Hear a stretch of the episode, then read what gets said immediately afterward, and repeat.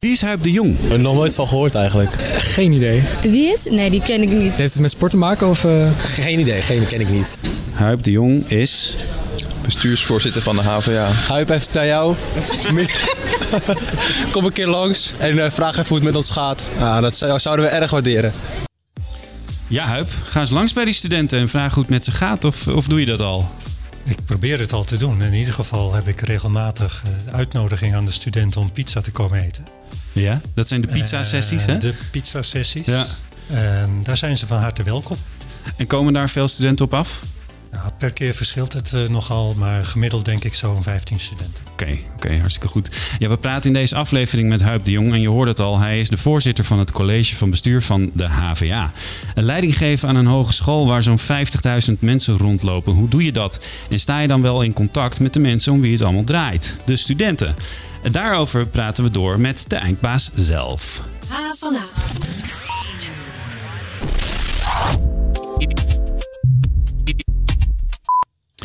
Ja, fijn dat je luistert naar onze podcast waarin we doorpraten over het nieuws op en rond de HVA. Mijn naam is Daniel Rommens en tegenover mij aan tafel zit deze week hoofdredacteur van HVA, Altan Erdogan. Welkom Altan. Dankjewel, Daniel. Wat leuk dat je in onze studio zit. Ja, leuk om hier eh, te zijn. En naast eh, Altan en Huip de Jong zit ook Dominique Surling aan tafel. Dominique, jij bent voorzitter van de facultaire medezeggenschapsraad van de faculteit. Komt die digitale media en creatieve industrie. In één keer goed. Ja, hè? Wat is je belangrijkste taak daar?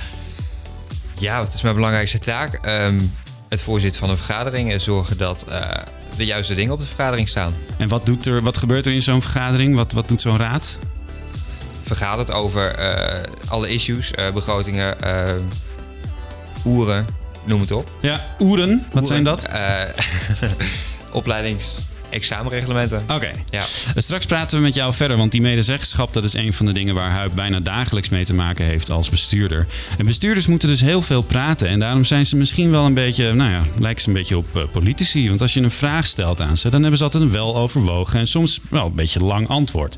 En daarom hebben we bedacht dat we een spelletje met jou gaan spelen, Huip. En dat spelletje dat heet wel ja, wel nee.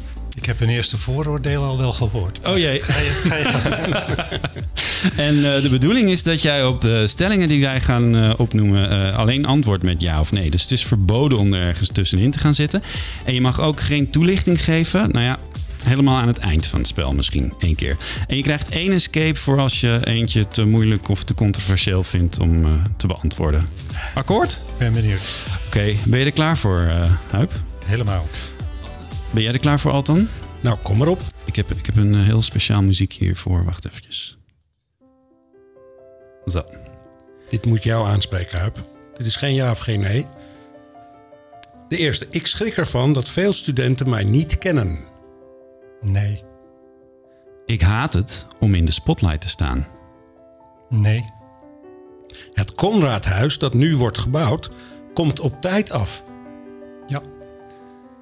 Ik heb wel eens een bestuurlijk besluit genomen zonder de medezeggenschap te raadplegen. Ja. Mijn opvolger moet een niet-westerse afkomst hebben. Ja. Diep in mijn hart zou ik aanstaande vrijdag ook op het Malieveld willen staan en staken.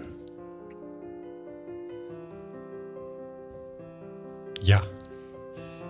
Stoppen met de pizzasessies of nooit meer Bach luisteren?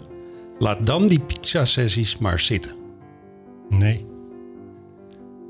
Eh, dan moet ik nu eh, Bach uitzetten. hè? Ja, eigenlijk wel. Ja, dag Bach. Verandering aan de HVA gaat langzaam. Soms word ik er ontzettend ongeduldig van. Ja. We zijn klaar. Huip, wat, wat vond je ervan? Ik heb, het, ik heb het overleefd. Ja. Wil je nog iets toelichten? Je hebt geen escape gebruikt. Nee, dat weet ik. Want dat vind ik ook een beetje slap. Oké.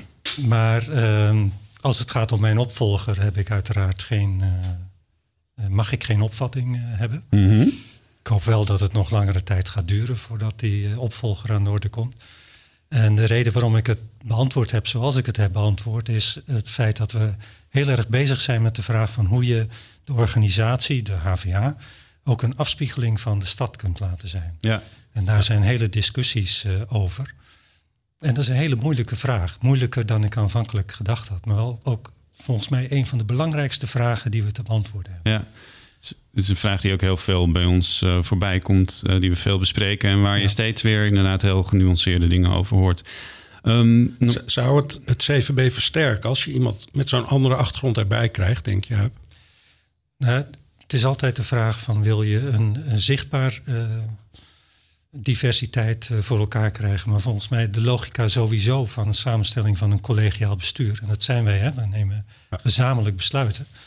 Het is dat je uh, probeert een zo divers mogelijke samenstelling in persoonlijkheden te krijgen. Ja. En alleen dan werkt het. Want als het allemaal mensen zijn die ongeveer dezelfde denkmethode hebben of dezelfde levenservaring, dan functioneert zo'n bestuur ook gewoon niet goed. Ja. Normaal gesproken hebben we in deze podcast een heel nieuwsoverzicht van de afgelopen week. Maar omdat we deze week wat eerder komen dan normaal, heb ik eigenlijk maar één echt nieuwtje. En dat nieuws dat kwam ook nog eens van het HVA-bestuur. Want uh, Huip en zijn collega's besloten afgelopen week dat de HVA de grote onderwijsstaking van 15 maart niet steunt. En dan uh, bedoelen ze niet uh, dat ze de ideeën, geloof ik, niet steunen, maar dat staking niet mag of zo. Toch? Je kondigt al aan dat besturen ook betekent dat je zo nu en dan wat vage uitspraken doet. Ja. Volgens mij is dit geen vage uitspraak van ons. Uh, wij weten heel goed dat het in het onderwijs in zijn algemeenheid niet goed gaat. En er moeten ingrijpende maatregelen worden genomen als het gaat om de werkdruk, als het gaat om ook de financiering van het onderwijs. Moeten er stappen worden gezet? Dat Ja. is voor ons evident. Ja. Dat er actie wordt gevoerd, uh, dat is daarmee ook logisch. Het vreemde is dat er gekozen wordt voor de staking. Een staking is over het algemeen een middel wat gaat over een geschil van mening tussen werkgevers en werknemers. En dat zou dan in dit geval de En docent en de hogeschool zijn? Er is geen verschil van mening. Nee. Eh, We hebben een CAO, we hebben afspraken gemaakt met de bonden over eh, hoe we in de komende periode vragen van werkdruk en allerlei inhoudelijke zaken verder met elkaar bespreken. Ja. Dus dan vinden wij de keuze voor een staking raar. Dat is een. Vandaar dat we die eh, staking niet steunen. Ja, eh, eh, het, is, het, het klopt juridisch, denk ik. Ik heb er ook nog even gekeken naar het stakingsrecht en zo. Ik bedoel, het, het klopt allemaal. Maar los daarvan ehm, ja, gaat er toch ook een bepaalde boodschap vanuit om te zeggen dat docenten het dan maar in hun eigen tijd moeten regelen. Terwijl er op heel veel plekken juist ook expliciete steun door besturen wordt uitgesproken voor die staking. Waar, waarom hebben jullie dan toch gekozen om dit beetje strenge standpunt in te nemen? Nou, het is streng in de zin van eh, dat wij gewoon de spelregels die we met elkaar afgesproken hebben toepassen. En dat willen we graag zo houden, ook voor eh, de toekomst. Eh, dat de medewerkers of studenten in hun eigen tijd dus maar actie moeten voeren, vind ik ook een beetje ja, misplaatste duiding van ons standpunt. Het is letterlijk wel wat de woordvoerder van het CVB tegen mij zei. Eh, nou, dan ga ik nou nu een genuanceerd ander standpunt eh, op innemen. De eh, wijze waarop we hebben gecommuniceerd is dat iedereen vrij is om actie te voeren. Heeft er ook een recht toe. En zelfs als het gaat om staking, onze medewerkers als ze willen staken, dan is dat een algemeen erkend recht en wij erkennen dat ook. Het enige wat we hebben gezegd is dat als men staakt, als men afwezig is, is dat men de studenten daar niet de dupe voor, van moet laten zijn. Oké. Ehm, wil je nou vrijdag alsnog staken? Want de HVA betaalt dan dus niet. Dat mag ook niet bij wet. Eh, dan kun je bij de organiserende vakbonden, dat is de FNV en de Algemene Onderwijsbond, een stakingsuitkering aanvragen. En die is 63 euro belastingvrij voor één dag. H van A. Waarom is dit onderwerp juist nu zo actueel? Maar zouden die HVA'ers niet ook boos moeten zijn? Eh, ja, eigenlijk wel. Ik vind het niet heel professioneel om mijn bestuursgenoot in de pers af te gaan vallen. Waarom gaat er zoveel geld naar jouw onderwijs? Nee, niet zoveel vragen hoor. Wil je niets missen van het nieuws en de verhalen van de campus? Schrijf je dan in voor de nieuwsbrief op havana.nl. Ja, ik ga toch ons eh, gesprek, want we praten ding- niet alleen maar over die staking, eh, beginnen met een, met een groot cliché.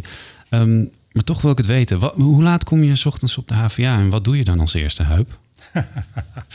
Ik eh, kom vrijwel iedere morgen zo rond eh, half acht binnenlopen. En het eerste Vroeg. wat. Best vroeg. Ja, eh, best vroeg.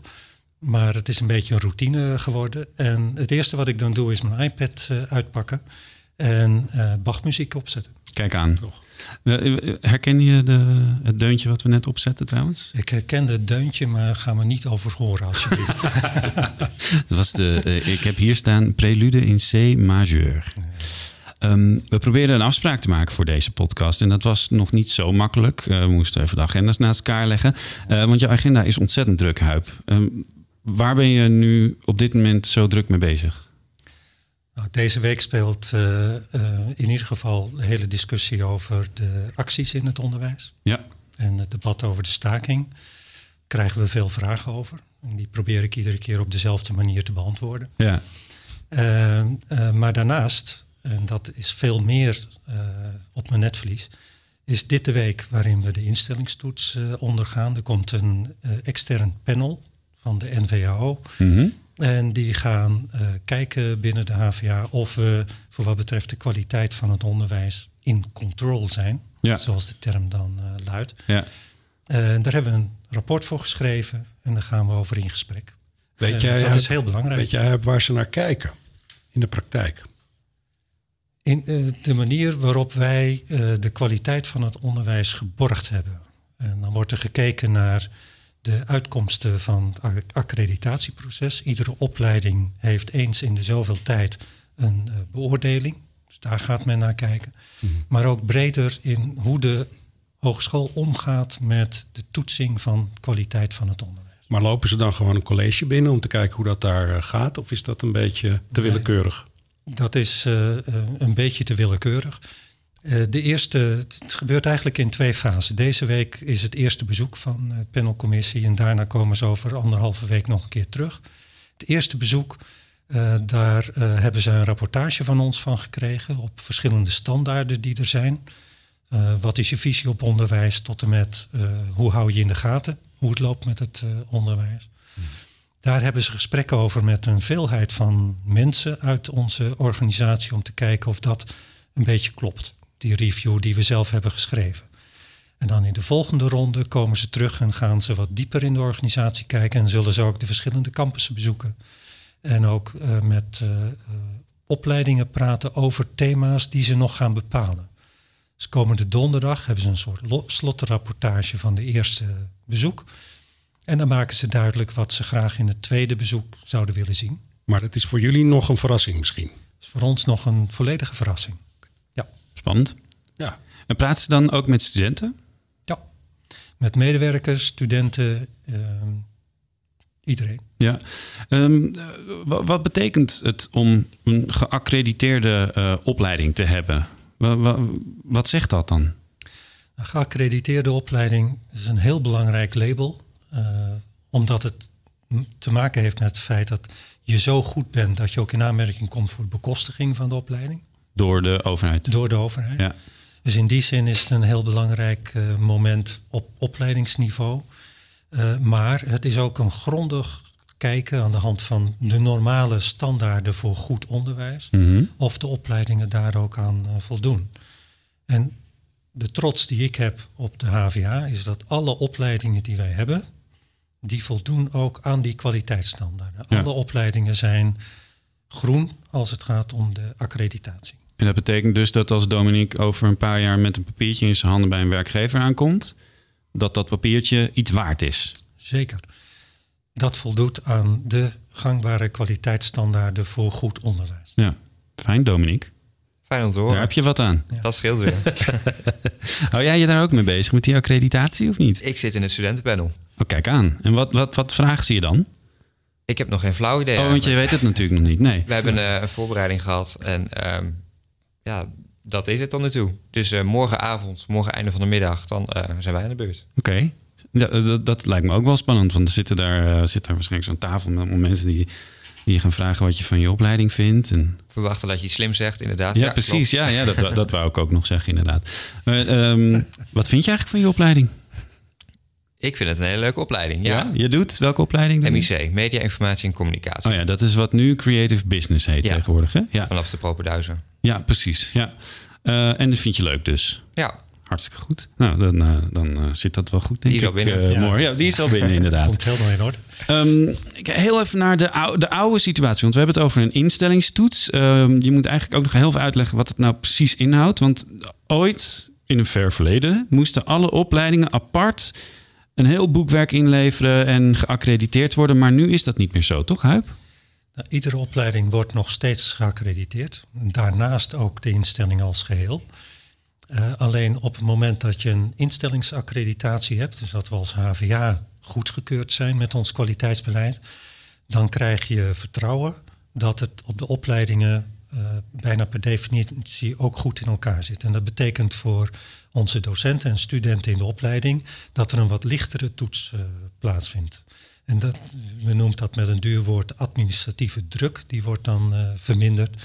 Je gaat een wat lichtere toets door. Ja, en dat betekent dat de docenten die normaal gesproken dan al die formulieren zitten in te vullen, nu gewoon voor de klas kunnen staan en nog leukere lessen aan Dominique kunnen geven. Ja, wat wat uh, de lichtere toets ook met zich meebrengt, is dat je zelf kunt gaan nadenken over de manier waarop je je zou willen presenteren.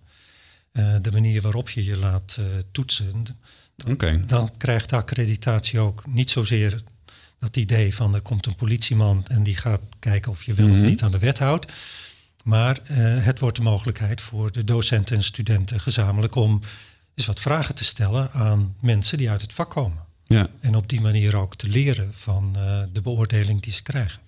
En dat is eigenlijk het ideaal. Wat zou jij, Huip, nou het belangrijkst vinden waarop je wordt afgerekend? Met andere woorden, waarover zou je erg teleurgesteld zijn als daar niet een goed oordeel uh, komt in uh, deze, deze weken? Nou, het komt altijd op de uitvoering aan. Dus mm. de, de vraag van hoe wordt dan binnen de Hogeschool van Amsterdam met kwaliteit omgegaan? En hoe voeren we de dialoog met elkaar over wat we goed onderwijs vinden in deze tijd? En wat vind jij dan zelf? Ik vind uh, goed georganiseerd onderwijs uh, heel erg belangrijk. Onderwijs moet voorspelbaar zijn. Mm. Er moet een hele duidelijke kennisbasis zijn. Dus voor het vakgebied waarvoor we opleiden, daar moet ook uh, voldoende theorie voor worden aangereikt.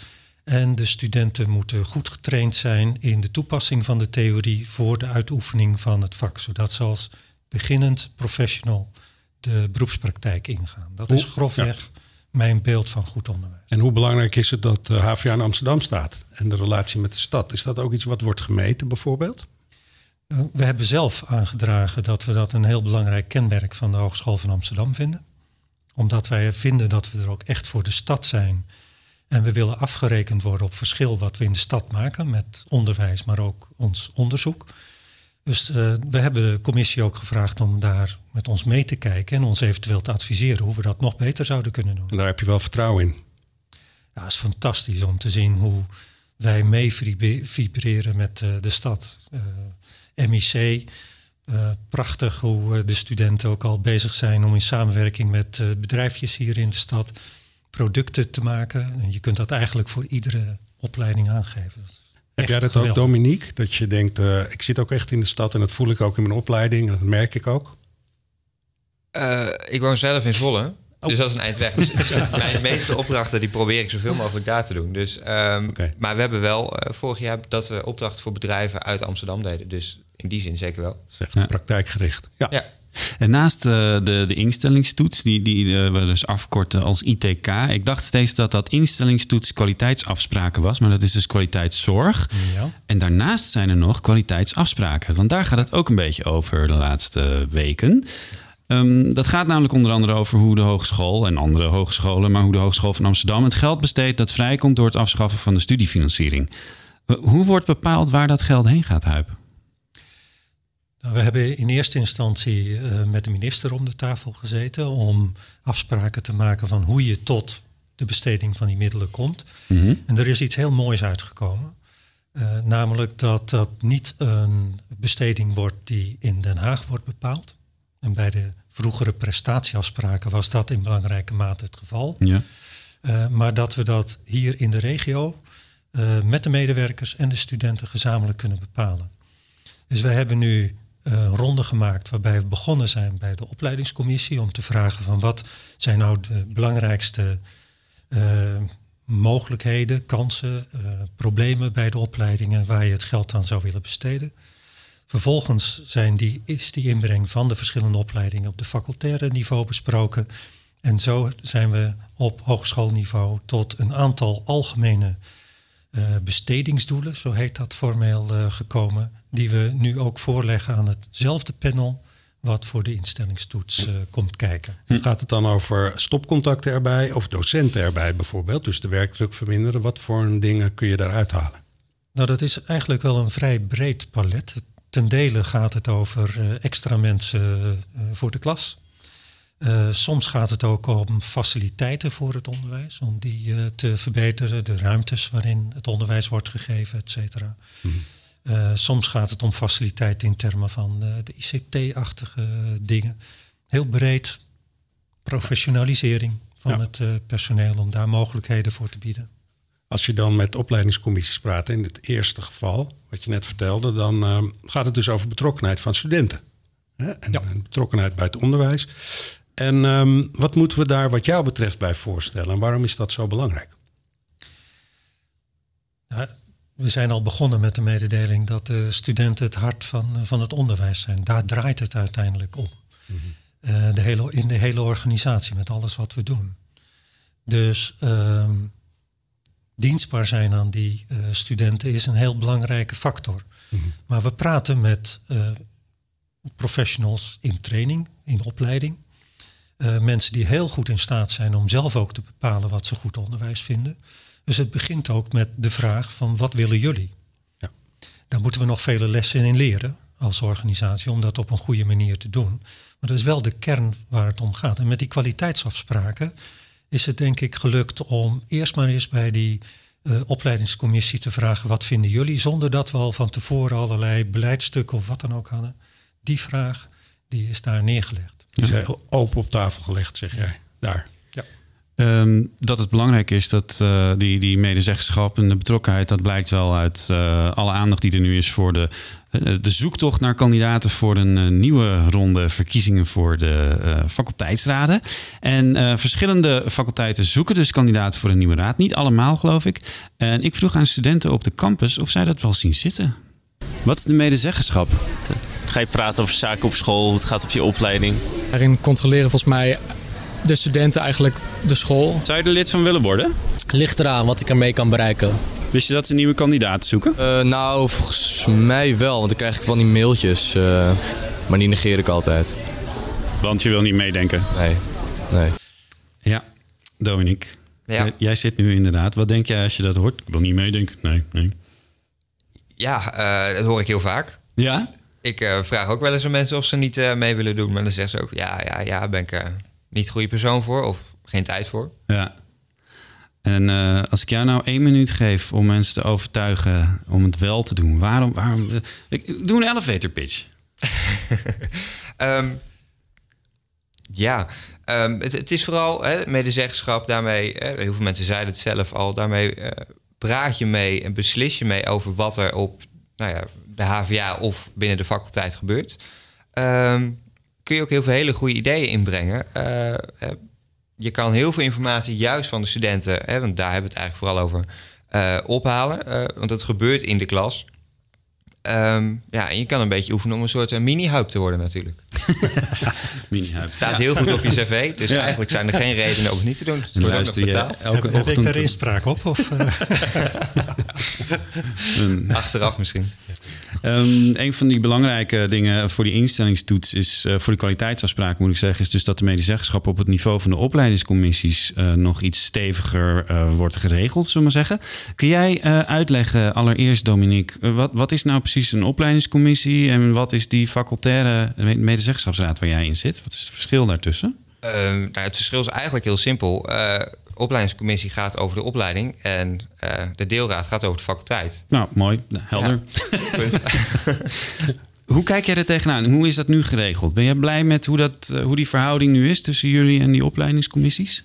Um, gemengd. Aan de ene kant uh, zie je dat hele goede stappen gezet worden. Aan de andere kant zie je ook dat heel veel mensen wel moeten wennen aan de nieuwe rol van de OC's. Mm -hmm. uh, dat zij nu ook instemming hebben op delen van het oer, van, op delen van de begroting, met name de, de studie voorschotmiddelen vanuit de kwaliteitsafspraken. Ja. Ehm, en je ziet wel dat eh, nou, vooral de OC's daar te laat worden aangehaakt. Ehm, Oké. Te, ook- te laat, wat bedoel je daarmee? Nou ja, hè, dat opeens een opleidingsmanager denkt... oh ja, dit moeten we ook nog doen. Ehm, we moeten gauw die opleidingscommissie erbij hebben... anders dan, eh, dan wordt het niks. Ja, en dan is de invloed vanuit de OC zelf is best gering. Ja. Dus ze zijn er nog niet aan gewend dat ze Nee. nog met die opleidingscommissies moeten praten. Dat, Nee. dat is wat je zegt. dat, dat is wat ik zie. Ja, Ja. dat klopt. En hoe kunnen we dat aanpakken dat, om te zorgen dat dat dan beter gaat? Ik kijk een beetje tussen jullie tweeën in nu. Ik denk vooral eh, bewustwording. En ehm, een belangrijk onderdeel voor de deelraad... dat zij ook eh, de opleidingsmanagers ervan bewust maken... dat, eh, dat OC's aangehaakt moeten worden op tijd. Eh, Je hebt, je hebt nog een laag medezeggenschap. Dus eh, maar stel, stel nou dat iemand eh, in de opleidingscommissie van MIC zegt... eh, nou, wij willen dat er 50.000 euro daaraan besteed wordt. En jullie in de, mede, in de facultaire raad zeggen... nou, nee, wij vinden eigenlijk dat het daaraan besteed moet worden. Hoe ga je dan zorgen dat je toch ergens op één lijn komt? Want het wordt wel ingewikkeld. Ja, klopt. Ehm, op zich met praten kom je een heel eind. Nou, dat is ook wat je hier eigenlijk doet. Ja. Ehm, maar het is wel met eh, bijvoorbeeld met studievoorschotmiddelen. Wij hebben instemming op de gehele begroting. Mhm. Eh, en de OC is eigenlijk alleen op de studievoorschotmiddelen. Oké. Ehm, ja, een beetje flauw om op één puntje natuurlijk dan eh, een hele begroting af te keuren. Zeker als die vanuit studenten komt. Ja. Huip? Ja, wat je beschrijft, het, zo werkt het zo'n beetje. Je probeert met elkaar al pratend een, een eh, redelijk compromis eh, te bereiken. Mhm. En dat gebeurt eh, tussen de opleidingscommissies en de facultaire medezeggenschap. zeggenschap. Maar we hebben nog een trapje hoger en dan kom je bij de CMR. Dat Ja. gaat dan over de Hogeschool van Amsterdam Mhm. als geheel. En ook daar eh, is het luisteren en kijken wat de ideeën zijn die binnen de opleiding en binnen de faculteit spelen. En hoe kun je dan die optelsom maken voor de hogeschool als eh, geheel? Het is iedere keer kiezen en dat probeer je op een zo redelijke man- mogelijke manier eh, te doen. Ja. En ik zie ook wel die, die worstelingen, zoals jij eh, beschrijft, eh, dat de gesprekken ook in de opleidingscommissies plaatsvinden. Dat herken ik heel erg. Ik ben nu zes jaar lid van het college van, van bestuur van, de- van de HVA. Ik begin nu aan mijn derde ronde langs alle opleidingscommissies, juist ook om te luisteren en te kijken van hoe we die medezeggenschap van, eh, op, op dat laagste niveau van onze organisatie, maar wel de kern van de organisatie, hoe we dat op een goede manier zouden kunnen eh, organiseren. Ja. En hoe we mensen ook kunnen enthousiasmeren om daarin mee te doen. En dat is ontzettend belangrijk. Ja. Maar dat enthousiasmeren, dat lukt ja, voor een deel, denk ik. Want er zijn faculteiten waar bijvoorbeeld niet, niet genoeg kandidaten voor de medezeggenschap zijn om überhaupt verkiezingen uit te schrijven. Ehm, hebben jullie een idee toch, eh, nog even, waar, waar, hoe zou dat nou komen? Dat mensen er zo weinig zin in hebben eigenlijk? Dat moet maar net in je, in je leven passen. Ja, Eh, want studenten hebben het druk. Heel veel van onze studenten hebben niet alleen de studie, maar ook allerlei andere activiteiten die ze daarnaast moeten doen. Ehm, je moet het eh, eh, leuk vinden om te doen, want het is wel eh, soms lang vergaderen. Eh, en dat moet je ook maar net eh, liggen. Ja. En soms zijn er ook eh, allerlei alternatieven waarop je wel betrokken kunt zijn bij je opleiding of bij activiteiten buiten de opleiding. Ja. Waardoor je eh, de mogelijkheid hebt om dat op een andere manier vorm te geven. Terwijl ik zeg, studenten hebben druk, laat Dominique zijn telefoon zien. Want jij moet nu moet de weg. studio uit, hè? Ja. Ik Ja, zou ik zeggen, moet, eh, schoolopdracht doen. Pak, je- pak je eh, spullen, pak je spullen en ga snel eh, verder met je studie. Ik heb nog eh, een paar laatste vragen aan Huip. Kun- Kom je er langs daar? Denk het wel, toch? Dankjewel hè, Dominique. Ja, hartstikke bedankt, dat, je in de, dat je met ons mee wilde praten. Ik zet ondertussen het muziekje voor het einde van de podcast alvast aan. Ehm, ja, nog, nog heel eventjes over die, die instellingstoets. Ehm, er loopt dus deze week een commissie rond op de HVA. Ehm, zijn jullie zenuwachtig? Beetje zoals een student voor zijn tentamen? Nou, Ik ben niet zenuwachtig, want ik heb echt eh, vertrouwen in wat we kunnen laten zien. Eh, HVA is een ontzettend leuke hogeschool en eh, een prima onderwijs wat we bieden. Maar ik merk wel aan mezelf dat de spanning toeneemt. Ja? Het is toch een beoordeling van buiten die, eh, die plaatsvindt. Dus in die zin is het, eh, iedere dag ben je er toch een beetje mee bezig. Ja, is het, is het zo dat je, dat je ja, ehm, hangt jullie baan ervan af als, als bestuurders? Of? Nou, zo, zo zit ik er geen moment naar te kijken. Nee. Nee. Eh, dus het... eh, Echte journalistenvraag dit. Ja, ja. Maar dat, dat, dat speelt eh, absoluut niet. Kijk, we zitten allemaal in, iedereen bij de HVA om die hogeschool zo mooi mogelijk te maken en zo goed mogelijk onderwijs te laten geven. Ja. En we hebben er vertrouwen in dat dat gebeurt. Hè. Wat ik zei, geen opleiding is niet geaccrediteerd. Er zijn geen kritische kanttekeningen bij. Dus we zijn gewoon een hartstikke goede, stevige hogeschool. Maar even nog een journalistieke vraag toch. Wanneer horen we de uitslag? Beetje scorebordjournalistiek misschien. Maar Ja. wanneer horen we hoe ver de HVA is daadwerkelijk? Eh, eind van de maand is er eh, de eindbeoordeling. Die wordt dan eerst mondeling gegeven en vervolgens op schrift gesteld. Maar als we de mondelinge terugkoppeling hebben, dan hebben we een redelijke zekerheid dat het eh, goed is gegaan. Voor de zomer weten we het in ieder geval. Ruim voor de zomer weten we het zeker. Ja. Huip, hartstikke bedankt dat je tijd voor ons vrij kon maken voor dit gesprek. Ehm, ja, eh, Dominique vloog al weg. Eh, jij vliegt waarschijnlijk ook naar je volgende afspraak eh, toe. Ehm Altan, dankjewel dat je een keertje mee wilde Graag doen. gedaan, heel erg leuk. Heb jij ook een afspraak waar je snel naartoe moet? Of? Nee, ik ga met Huip samen iets leuks doen. Oh, wat leuk. Nou, hartstikke goed. Wij zijn er snel weer met een nieuwe podcast. En wil je in de tussentijd op de hoogte blijven van al het nieuws en de verhalen die we maken? Check dan onze website havana.nl. En volg ons op Instagram en Facebook en Twitter. En ook heel belangrijk, Altan, daar, daar hamer jij altijd op, de, de nieuwsbrief. Elke maandagochtend sturen we je een nieuwsbrief. Dus schrijf je in via het inschrijfformulier op onze website. Helemaal onderaan op de homepage. Bedankt voor het luisteren. Tot volgende keer. Tot ziens. Geen enkele podcast meer missen? Abonneer je dan via SoundCloud of iTunes.